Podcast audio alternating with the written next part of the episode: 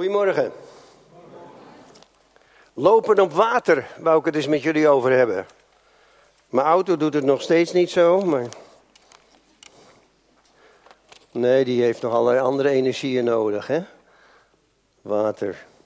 Nee, het gaat niet alleen over lopen op water, maar het gaat ook vooral over water. Hoe belangrijk dat is in de Bijbel en hoe belangrijk dat ook voor ons is om daar mee om te gaan en vanuit te leven. En hoe dat eigenlijk zo komt is, uh, ik las een artikel over dat de mens bestaat voor 75% uit water en 25% uit stof. En toen ik dat artikel had gelezen, toen kwam ik in gesprek met mijn fysiotherapeut. Ik ga nog steeds twee keer in de week naar fysio uh, enzovoort. Moet de boel toch een beetje op mijn leeftijd nog in beweging zien te houden. En uh, toen kregen daar een gesprek over. En op een gegeven moment zegt hij tegen mij, Kees, God bestaat. Ik zeg, uh, hoe kom je daar zo op? Hij zegt, nou ja, daar heb jij het altijd over. Maar ik geloof het ook. Ik zeg, Ho hoezo dan? Hij zegt, een mens bestaat voor 75% uit water, voor 25% uit stof. En je moet God zijn om uit water en stof zoiets moois te kunnen maken als een mens. Met alles erop en eraan. Daar moet je God voor zijn. Dat kan niet zomaar ontstaan, dat kan niet zomaar beginnen. Alles moet een begin hebben, maar God kan iets maken uit niets, want God is geest. Nou, daar was hij het ook al over eens. En toen zei ik, hoe, hoe, hoe zie je Jezus dan? Hij zegt, Jezus? Nou, Jezus heeft ons laten zien wie God is. Nou, dat was toch een leuk gesprek. De Bijbel zegt, wie tot God komt moet geloven dat hij bestaat. Nou, in geval gelooft hij dat. Hij gelooft ook dat God geest is. Hij gelooft ook dat we tijdelijk hier op deze aarde zijn. Dus we schieten al aardig op. Nou moet hij nog het laatste stukje pakken, maar dat doet hij ook wel, want hij gelooft er wel in. En toen dacht ik, ja, water is toch wel super belangrijk. Heel veel hangt af van water. En toen kwam ik bij die tekst uit Jesaja, hoofdstuk 55, vers 1. En uiteraard ook bij het lopen op water in Matthäus 14 vanaf vers 22.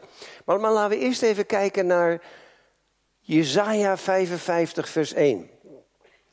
O alle dorstigen, kom tot de wateren. En u die geen geld hebt, komt, koopt. En ja, komt, koopt zonder geld en zonder prijs wijn en melk. Moet je, even, moet je even goed naar die tekst kijken. Ik weet niet of die er staat. Maar uh, als je er goed naar kijkt, dan zie je dus: kom tot de wateren.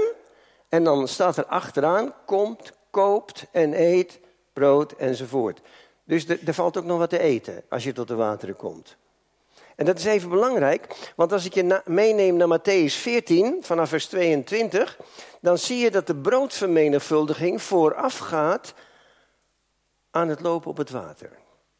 Dus brood en water komen ook daar weer samen. Het is ook typerend voor de christen dat hij altijd zit op water en brood.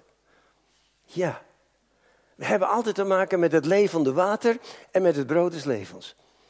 Je hele leven zit je gevangen en krijg je brood en water. Want je bent een gevangene van Christus geworden. Ja, niet van onze cultuur en ook niet van onze politiek. Gevangene van Christus en hij zorgt goed voor je. Hij zorgt voor onderdak, eten, drinken enzovoort. Want onze Vader ziet daar naar uit. We gaan het lezen. Matthäus 12, uh, 14, vanaf vers 22. Meteen daarna is mooi. Meteen daarna, na die broodvermenigvuldiging, toen. Uh, uh, en moet ik even goed lezen. Meteen daarna gelaste hij zijn leerlingen in de boot te stappen en alvast vooruit te gaan naar de overkant. Hij zou ook komen nadat hij de mensen had weggestuurd. En toen hij hen weggestuurd had, ging hij de berg op om in afzondering te bidden. En de nacht viel en hij was daar helemaal alleen. De boot was intussen al vele stadien van het land verwijderd en werd als gevolg van de tegenwind door de golven geteisterd. En tegen het einde van de nacht kwam hij naar hen toe, lopend over het meer, lopend over het water. En toen de leerlingen hem op het meer zagen lopen, raakten ze in paniek en ze zeiden een spook. En ze schreeuwden het uit van vrees. En meteen sprak Jezus hen aan: Blijf kalm, ik ben het. Wees niet bevreesd. En Petrus zei: Heer, als u het bent, zeg me dan tot u te komen over het water. En hij zei: Kom tot de wateren. En Petrus stapte uit de boot en liep over het water naar Jezus toe.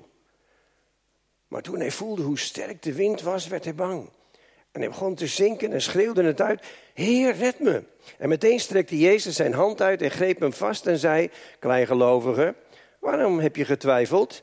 En toen, ze in, toen hij in de boot stapte, ging de wind liggen. In de boot kregen de anderen, keken naar hem en zeiden: U bent werkelijk Gods zoon. Dat is opmerkelijk. Jezus zegt: Kom tot de wateren. Je kunt tot de wateren komen om een heleboel redenen. Je kunt tot de wateren komen omdat je dorst hebt. Je kunt tot de wateren komen omdat je gedoopt wil worden.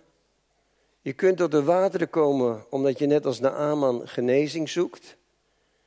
Je kunt tot de wateren komen omdat je er overheen wil lopen. Je kunt om velelei redenen komen tot de wateren. Maar laten we eens even kijken naar het volk Israël.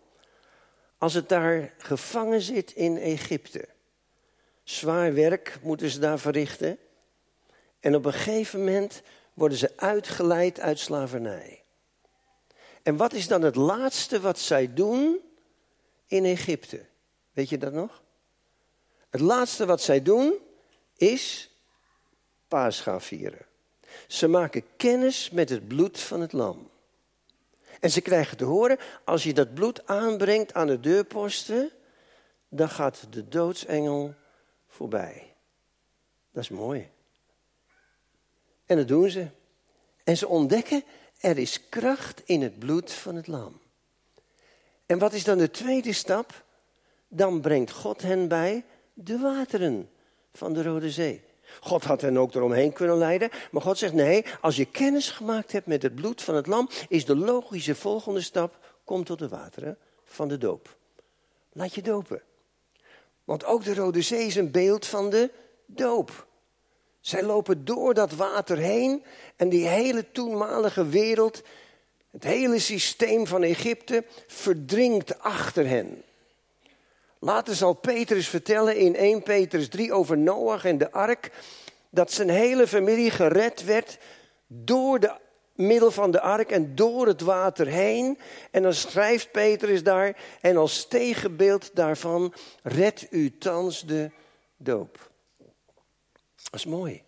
De doop heeft dus een reddende functie. Zou je niet zeggen, hè? Ja, we weten allemaal dat je niet gered wordt door je doop. Je bent gered door je geloof in de Heer Jezus Christus. Alle die hem aangenomen hebben, heeft hij macht gegeven om kinderen Gods te zijn. En toch heeft die doop een reddende functie. Want dat zie je zowel als de Israëlieten worden gered uit Egypte, dat ze door het water heen gered worden uit het systeem waar ze in zaten. En dat zie je bij Noach en de zijn ook. Hij wordt gered in de ark door het water heen uit het systeem van ongeloof waar ze in zaten. De doop heeft een reddende functie uit een situatie, uit een systeem. Ook uit het systeem van wetticisme. Want je kunt zo in je wetticisme vastzitten, in je bepaalde geloof over doop, dat het lastig is om ermee te breken. Om eruit gered te worden, zou je bijna kunnen zeggen. En dan te merken dat als je met Christus gekruisigd bent, hoe goed het is om ook met hem begraven te worden en op te staan in een nieuw leven. Dus het volk Israël maakte kennis met het bloed van het lam. En de volgende stap was, ze maakten kennis met het water. Zoals ook wij gedoopt willen worden als we hebben gekozen voor Jezus. Nou is er nog iets. Als je, als je ooit met het water kennis wilt maken, in wat voor vorm dan ook, zit er altijd gehoorzaamheid aan vast. Je moet altijd gehoorzaam zijn. Als je moet drinken, moet je gehoorzaam drinken. Als je gered wil worden, moet je gehoorzaam je overgeven aan de Heer.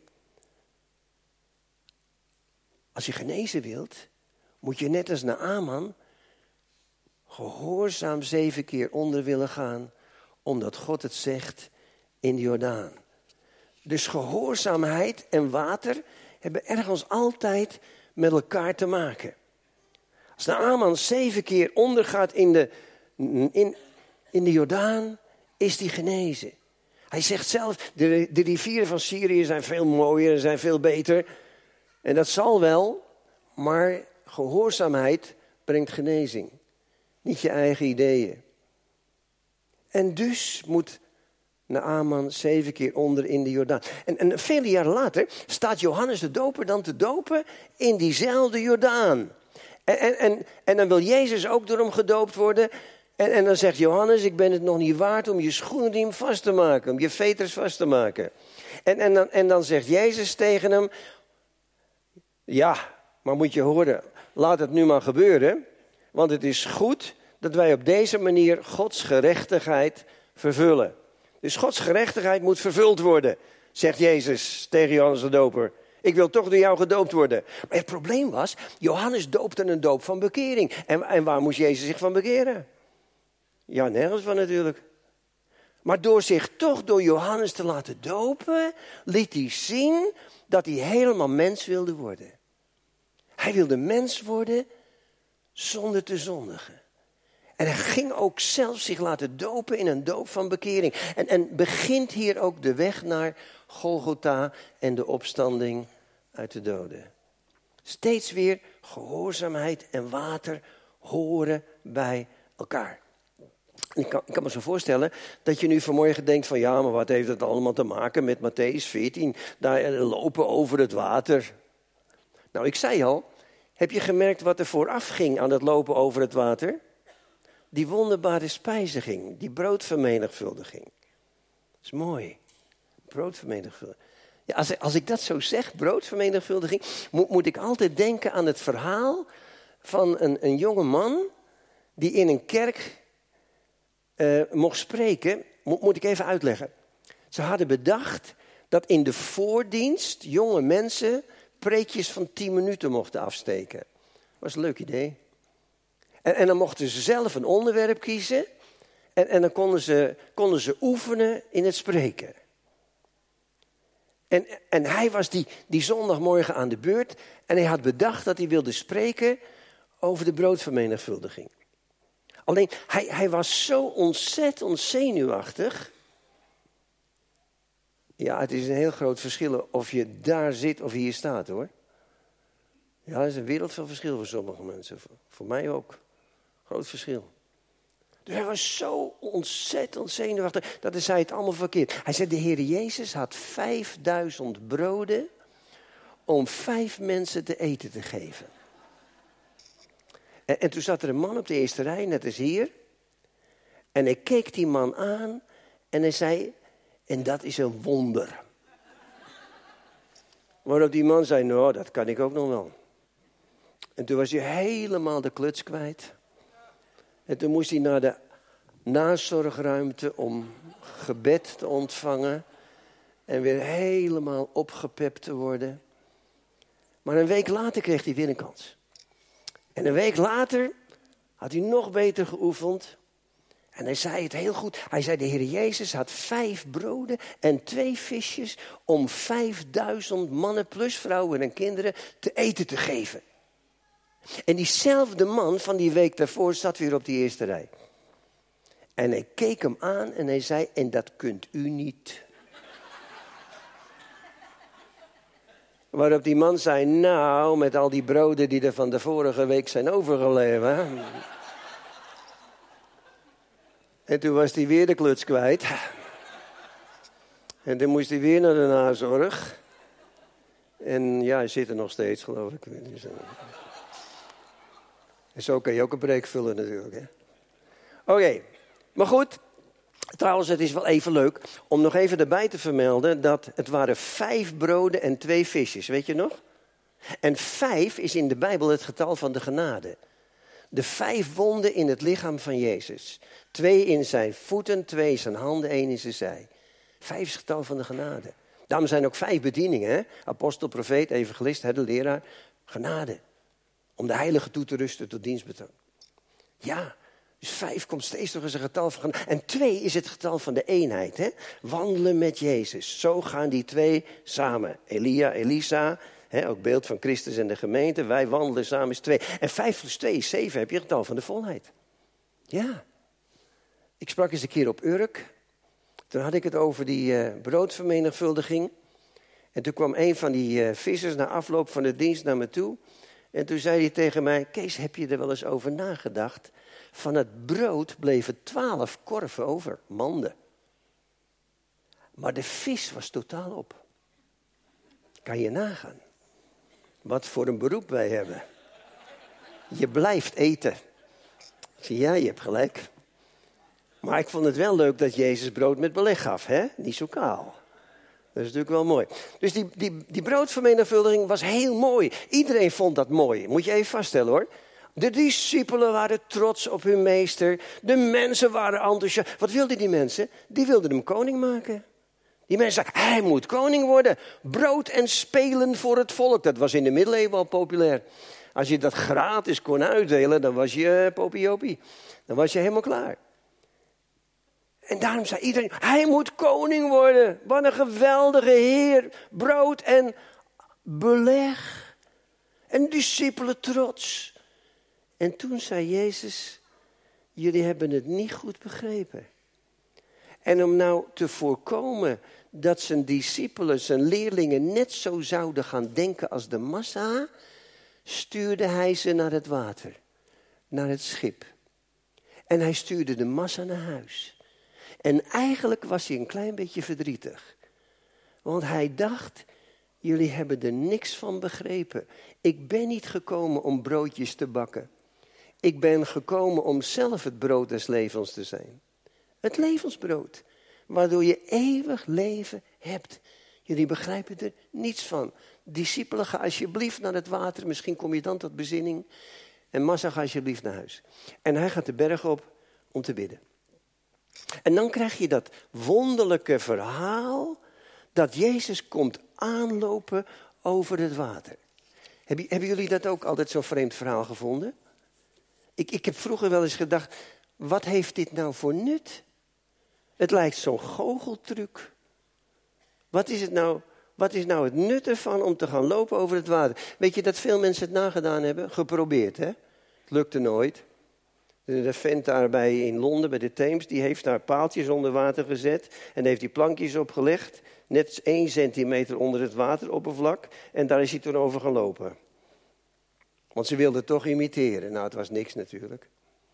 Maar mensen hebben altijd een beetje de spot gedreven met het lopen over water. En ik heb ook vaak gedacht, ik begrijp als Jezus mensen redt. Ik begrijp dat Jezus wonderen doet. Maar wat is nou het nut van lopen over water? Tot ik in openbaring, hoofdstuk 22, vers 1, ineens zag dat uit de troon van God komt een stroom van kristalhelder water. En dat brengt leven. En, en toen, toen zag ik ook nog in openbaring 13 dat uit de wateren beneden komen slangen en draken voort, gedrochten met zeven koppen, met godslastelijke namen. En, en toen ineens zag ik het. Ik dacht, ja, de wateren beneden spreken van duisternis, machten, duisternis. En als Jezus loopt over de wateren beneden, laat hij zien dat alles onder zijn voeten onderworpen is. En onderwijl drinkt hij van de wateren van boven. Van de stromen van levend water. Is het je wel eens opgevallen dat op de tweede scheppingsdag God als scheiding maakte tussen de wateren boven en de wateren beneden? Nee, je toen al. En dan zie je ook dat er verschil is. Wateren boven leven, wateren beneden duisternis. En dan komt Jezus aanlopen over die wateren beneden. En die leerlingen, die discipelen, die schreeuwen het uit van angst. En weet je wat ik zo gek vind? Ze herkennen hem niet. Ze lopen al zo lang met hem mee. Maar ze herkennen hem niet. Wat zeggen ze? Een spook. Nou, wie zegt dat nou? Zei je dus, ja. Dus ze herkennen. Weet je wat, wat hier gebeurt? Zij kenden Jezus naar hun eigen beeldvorming. Hij naar zieken. Hij vermenigde brood. Hij gaf massa's te eten. Ze hadden zich een beeld gevormd van Jezus. En, en nou weet iedereen dat je geen afgodsbeelden mag maken, maar we hebben allemaal wel denkbeelden. En denkbeelden zijn net zoiets als afgodsbeelden. Je kunt je inbeelden dat God volgens jou zo is. Mijn God is zo. Mijn God vindt alles goed. Mijn God is een verterend vuur. Dat zijn de uiterste hoor. Maar toch, wat is, wat is jouw godsbeeld? Wie is jouw God? Heb je, heb je hem zelf gecreëerd als een God die alles wel goed vindt? Of ook als een God die liefdevol, maar ook rechtvaardig is? En, en, en, enzovoort. Dus we hebben vaak toch denkbeelden over wie God is en wie Jezus is. En dat hadden de discipelen ook. Ze kenden Jezus niet in een hoedanigheid van lopend over het water. En ze zeggen dus een spook. En dan zegt Jezus, blijf kalm, ik ben het, wees niet bang. En dan reageert Petrus meteen met, als u het bent, beveel mij dan tot u te komen over het water. Vind ik mooi. Weet je dat Petrus dekt zich in, heb je dat gemerkt? Petrus denkt, ik zou wel iets bovennatuurlijks willen beleven, maar ik moet ook zeker weten dat ik in de wil van God sta. Dus hij dekt zich in. Dus wat doet hij? Hij zegt, als u het bent, beveel mij dan tot u te komen over het water. En, en wat zegt Jezus? Kom tot de wateren. Dus als Petrus overboord stapt op het water, staat Petrus in de wil van God. Ja? Ja? Ja. Oké, ja. Ja, het is geen strikvraag. Ja. Hij staat in de wil van God. Weet je wat ik het probleem nou vind? Dat hij wegzakt. Vind je dat ook? Hij staat in de wil van God en toch zakt hij weg. Merkwaardig, hè? Dus je kunt in de wil van God staan en toch wegzakken. Weet je hoe dat komt? Dat komt als je in de wil van God staat, is dat super belangrijk. Maar als je dan in die wil staat, moet je je ogen wel gericht blijven houden op Jezus. Anders kom je er nog niet. Dus je kunt wel zeggen, ik heb erover gebeden, ik sta in die wil van God. Maar daarnaast moet je dan toch nog je ogen steeds gericht blijven houden op Jezus. Hoe zou Jezus dat dan verder doen? Dat is dan wel super belangrijk. Dus Petrus stond in de wil van God, maar vergat even op Jezus te kijken en zakte weg. Maar er is nog iets heel belangrijks. Als Petrus uiting geeft aan zijn verlangen om te lopen op het water, dan doet hij iets wat in ons allemaal zit. Namelijk het verlangen naar bovennatuurlijke dingen. In ons allemaal zit een drang, een drive naar een bovennatuurlijke ervaring. Het zit in elk mens. En dat is ook logisch, want we zijn allemaal geschapen naar Gods beeld. En God is bovennatuurlijk. Dus als er een drang in je zit om iets bovennatuurlijks te beleven, is daar niks mis mee. Alleen de wereld zoekt dat in het occulte. En dat moet je niet doen. Dat is verkeerd. Wereld wil horoscopen lezen, de wereld wil magnetiseurs, de wereld wil van alles in het occulte, want ze willen ook iets bovennatuurlijks beleven. Maar daar moet je het niet zoeken, zegt de Bijbel. Maar dat je een drang hebt naar het bovennatuurlijke, is bijbels. Want onze God schiep ons naar zijn beeld en gelijkenis. En als wij dus verlangen naar bovennatuurlijke ervaringen, dan doen wij niks slechts, dan doen we iets goeds. Want als Peter zegt, beveel mij toch tot u te komen, dan zegt Jezus niet, nee, dat is alleen aan mij voorbehouden. Hij zegt, kom er gezellig bij, joh. Dus als jij je uitstrekt naar het bovennatuurlijke, dan zegt Jezus, fijn, moet je doen. Hou mij vast. Blijf je uitstrekken naar dat bovennatuurlijke. God is één met zijn woord, er is kracht in zijn woord. En je moet je niet uitstrekken naar waar de wereld zich naar uitstrekt, naar het occulte, maar strek je dan uit naar datgene wat ik je wil geven.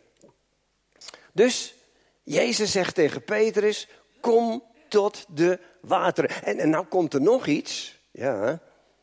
Want uh, als Petrus iets bovennatuurlijks wil beleven, dan moet hij wel op het natuurlijke vlak ook in beweging komen. Het was namelijk nooit goed gekomen als Petrus had gezegd: Heere Jezus, ik zit lekker in de boot. En als het uw wil is, til me dan uit de boot en zet me op het water. Dat is niks geworden. Nee, Petrus moet doen wat hij kan. En wat kan hij? Uit de boot stappen en lopen. Ja, dat doet hij elke morgen. Elke morgen als hij van de visvangst thuis komt, wat doet hij dan? Stapt hij uit de boot, op het strand en wandelt naar huis. Dat kan hij. En nu ook. Hij moet gewoon uit de boot stappen en lopen. Alleen is het nu op water, maar dat is ook alles. Maar hij moet wel doen wat hij kan. En dat is superbelangrijk. Het bovennatuurlijke, en dat is de les. Het bovennatuurlijke komt tot stand als wij gaan handelen vanuit het natuurlijke. Ja. Laat maar even een vraag aan. Hè? Als jij op ziekende handen legt, is dat een natuurlijke handeling of een bovennatuurlijke? Het is een natuurlijke handeling. Ja, leg op ziekende handen. Maar door in gehoorzaamheid die natuurlijke daad te verrichten, komen er bovennatuurlijke krachten in beweging. Ja. Als je de oudste roept, hè, omdat je ziek bent en je zegt, nou, we willen gezalfd worden met olie. Is zalven met olie dan een natuurlijke handeling of een bovennatuurlijke? Het is een natuurlijke handeling. Maar om dat te doen in gehoorzaamheid, zet je bovennatuurlijke krachten in werking. Die olie werkt niet genezend.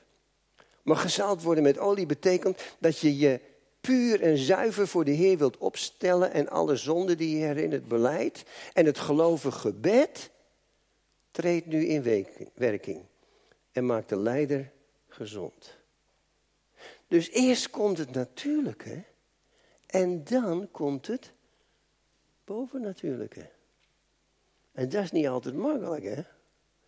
Nee, en dat natuurlijk is. Kijk, je kunt op een gegeven moment zeggen van. Ja, pa en ma, uh, het zal allemaal goed zijn, maar uh, ik heb mijn hart aan de Heer Jezus gegeven. En, en, als ouders zeg je dan: Oh, wat prachtig. En op een gegeven moment zegt hij dan: Ja, maar. Ik doe nu alleen nog maar wat Jezus zegt en met jullie heb ik niks meer te maken. Hoe bekeerd is dat dan? Dat is onbekeerd. Eerst komt het natuurlijke, dan komt het bovennatuurlijke en geestelijke. Omdat Joshua zo'n goede dienstknecht van Mozes was, werd hij zo'n goede dienstknecht van God. Dus als je op het natuurlijke vlak niet getrouw bent, zul je het op het bovennatuurlijke vlak ook niet zijn. Dus het moet beide in elkaar grijpen. Nou, dat zie je hier ook. Petrus iets bovennatuurlijks wil beleven, dan moet hij op het natuurlijke vlak in beweging komen en uit de boot stappen en gaan lopen. En als hij dan gaat lopen, dan kijkt hij op de golven en zakt hij weg. Ik weet niet of het je ooit is opgevallen, maar dat staat heel mooi in je Bijbel. Er staat niet, hop, hij zonk weg. Nee, toen hij begon te zinken. Ging niet eens, boep, nee. Toen hij begon te zinken. Toen zei hij nog niks. Maar toen hij verder begon te zinken, toen riep hij om hulp. Roep mij toch aan. En toen pas stak Jezus zijn hand uit. Je moet wel roepen. Op een natuurlijke vlak moet je wel in beweging komen. Je moet wel roepen om hulp. En als je roept om hulp, pakt hij je beet en trekt hij je boven de omstandigheden uit. En dan houdt hij je vast en dan komen ze samen aanlopen over het water, Jezus en Petrus. Hand in hand, stel ik me zo voor. Is het je wel eens opgevallen dat de enige die ooit naast Jezus over het water heeft gelopen, Petrus is? Niet de andere discipelen, Petrus. En Petrus is het beeld van de gemeente. Weet je nog dat Jezus op een gegeven moment aan zijn discipelen vraagt: Wie zeggen jullie dat ik ben? En dan zeggen ze: Nee, zij zeggen niks. Dan zegt Petrus: U bent de Christus, de Messias, de zoon van de levende God. En dan zegt Jezus: Op dat getuigenis, op die Petra, zal ik mijn gemeente bouwen. Dus hij is het beeld van de gemeente. Dus de enige die naast Jezus over het water loopt, is Petrus het beeld van de gemeente. Dus de enige die naast Jezus ooit over het water, over de duisternis beneden zal kunnen heersen, is het hoofd met zijn lichaam. Is Jezus met de gemeente. En zo wandelen die twee tezamen. Duisternis beneden, licht daarboven. En als Petrus dan Jezus aanroept, dan moeten we ons even realiseren dat de naam van Jezus is hetzelfde als de persoon van Jezus. Dat is het Hebreeuwse denken. Dus als ik jou zegen in de naam van Jezus, door wie word je dan aangeraakt? Door Jezus. Dus zijn naam is hij zelf en hij zelf is zijn naam. Ik wil muzici en zangers vragen om naar het podium te komen. Want als ik zijn naam uitspreek, pak ik zijn hand beet. I speak Jesus. Ik spreek Jezus. En als ik de naam van Jezus uitspreek, pak ik zijn hand beet en hij houdt mijn hand vast.